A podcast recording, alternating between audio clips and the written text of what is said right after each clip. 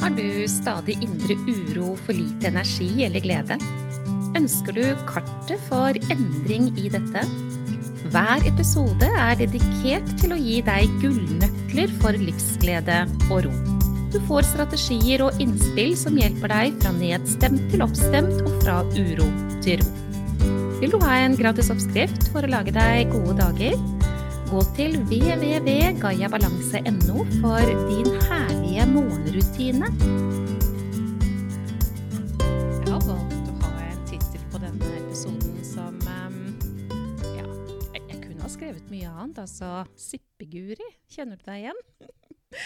um, men jeg har lyst til å si at selv om jeg nå skal snakke om dette med at noen mennesker har veldig lett for å ta til tårene, kanskje de ikke anerkjenner at det er så greit, og at det blir en del uro rundt det der, men det kan jo også være andre tilnærminger i forhold til relasjoner som eh, man kan få noe ut av denne episoden i forhold til å lytte til. For én ting er utfordringer i forhold til det å lett ha til tårene og møte mennesker som ikke helt enkelt bare kan håndtere det der. Eh, så kan jo det også være at man har en måte å kommunisere på som andre mennesker ikke syns er så enkel å møte. F.eks. det å bruke ironi. Ironi er nydelig, det altså, i eh, de situasjonene hvor ironi faller på plass. Men uh, hvis man bruker ironi i situasjoner hvor andre ikke kan forstå, så blir det straks noe annet. Bli med meg inn i denne episoden, kjære deg. Jeg håper at uansett om du er enten på den eller den måten, så vil du ta med deg noen ting som er til nytte for deg. Uh, men jeg skal bruke da et utgangspunkt i forhold til dette med å være en person som lett tar til tårene. Og ikke kun da man er for seg selv, men helt typisk i helt vanlige situasjoner i møte med andre mennesker. Veldig mange av de jeg møter som har denne utfordringen, i hvert fall så opplever de det som en utfordring selv, og i så stor grad at de tar det opp med meg, da, syns at dette her er trøblete, de sier også at de skammer seg over. Skammer seg over seg selv, skammer meg over at jeg så lett tar til tårene, det har jeg hørt mange ganger. Og veldig ofte så blir det også sagt at man legger merke til at menneskene som er omkring, da, når man sitter der og tuter eh, Litt lettvint sagt akkurat det der. Når tårene renner og menneskene er omkring, så opplever, eh, slik jeg blir fortalt det, så opplever man ofte at man ikke eh, Altså, det, det skjer noe ukomfortabelt hos den andre. Og da blir jo gjerne kommunikasjonen litt merkelig, ikke sant? Den andre sitter der og vet ikke helt hvordan skal jeg møte de tårene, liksom. Og det er jo ikke så vanskelig å forstå at det kan være sånn. Og da sitter det man da igjen med både tårer og det å føle at man er feil. Veldig mange av disse menneskene sier også at 'jeg vet ikke hvorfor jeg blir så beveget'. Jeg vet ikke alltid hvorfor at tårene mine begynner å renne, men de gjør faktisk det.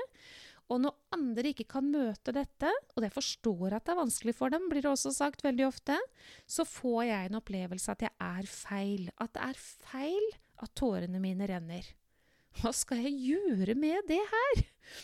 Og kjære vene, og jeg, jeg er veldig tilhenger av å prøve å se på hva er det man kan gjøre noe med, og hva er det man ikke kan gjøre noe med.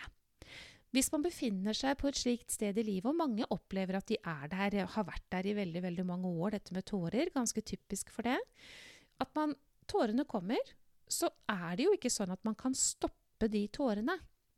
Det man derimot gjør, det er jo at man prøver å beskytte seg mot dem. At man kanskje ikke oppsøker situasjoner hvor det oftest skjer lenger. At man begynner å isolere seg eller sier nei når man egentlig hadde hatt lyst til å si ja, fordi disse tårene er så slitsomme. Det er nok ganske vanlig. Men man kan, man kan, ikke begynne der hvor man skal slutte å la tårene renne. Fordi det, det går jo ikke. Så hva er det man kan gjøre noe med? Man kan altså ikke stoppe å gråte, men man kan håndtere det at det kommer, på en annen måte. Og når man ser da at uh, den man har kommunikasjon med, blir ubekvem, ukomfortabel, vet ikke helt hvordan man skal møte det. Hvorfor ikke si noe om det? Hvorfor ikke f.eks. si noe om Nå opplever jeg at um, du blir urolig.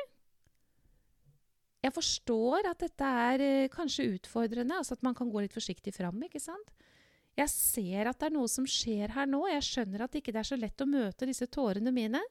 Men uh, du skal vite det at de renner, vet du. Og de Og jeg, ja, sånn er det å være meg, liksom.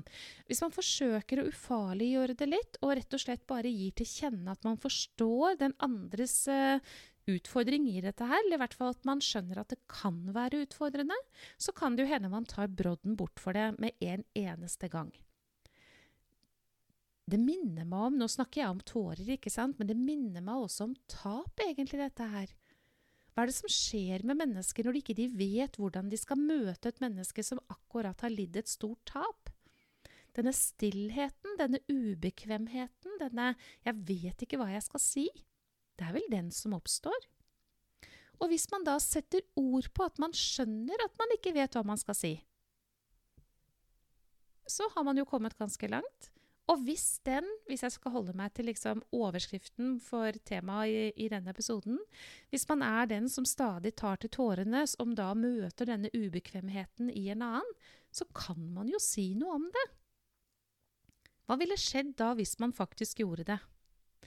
Jeg har mange ganger spurt disse menneskene som eh, tar opp dette som en utfordring med meg, eh, om hva de tror er årsaken til at tårene renner. Noen mennesker svarer 'det har jeg lurt på, men jeg finner egentlig ikke forklaringen på det'.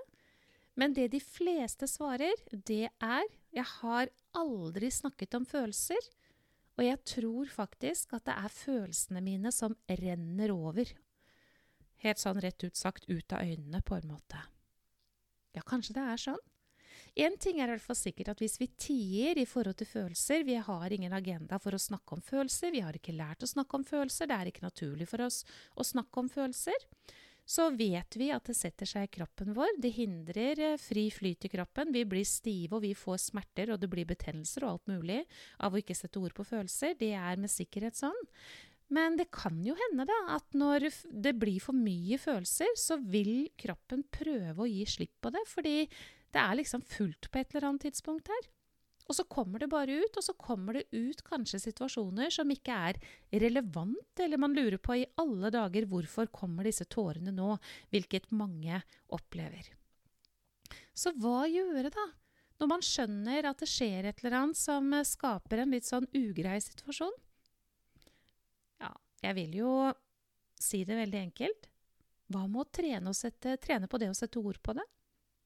Hva med å være så modig at man sier at man skjønner at dette ble kanskje litt utfordrende?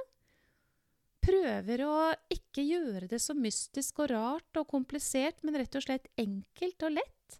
Og ikke la det være så stort, men heller lite.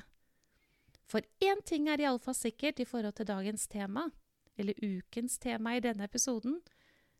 Hvis vi stopper tårer, hindrer tårene å komme, så er ikke det spesielt bra for oss. Fordi tårer er uansett renselse. Og kanskje det faktisk er sånn, da, som noen sier og kan kjenne igjen i seg selv, at det renner over. Jeg har ingen trening på å sette ord på følelser, og jeg tror rett og slett det bare må være stappet fullt i meg. For en fantastisk mekanisme som da gjør at det renner over. Men uansett, ingen tårer stanses, fordi det er noe som skal ut. Og så gjelder det å finne den måten å få det ufarliggjort på, istedenfor at det skal bli så stort og vanskelig og kanskje føre til ganske store utfordringer når det gjelder de sosiale situasjoner. Det er ikke nødvendig. Og så, enten det er slik eller sånn, så er du veldig velkommen til å ta imot den gratis gaven jeg har laget til deg, din herlige morgenrutine. Uansett tårer eller ikke, det er et godt sted å starte hver eneste dag. Og du får den på gayabalanse.no. Det er bare å klikke seg inn og notere ned navn og e-post, og så kommer den i e-postkassen din. Ha det!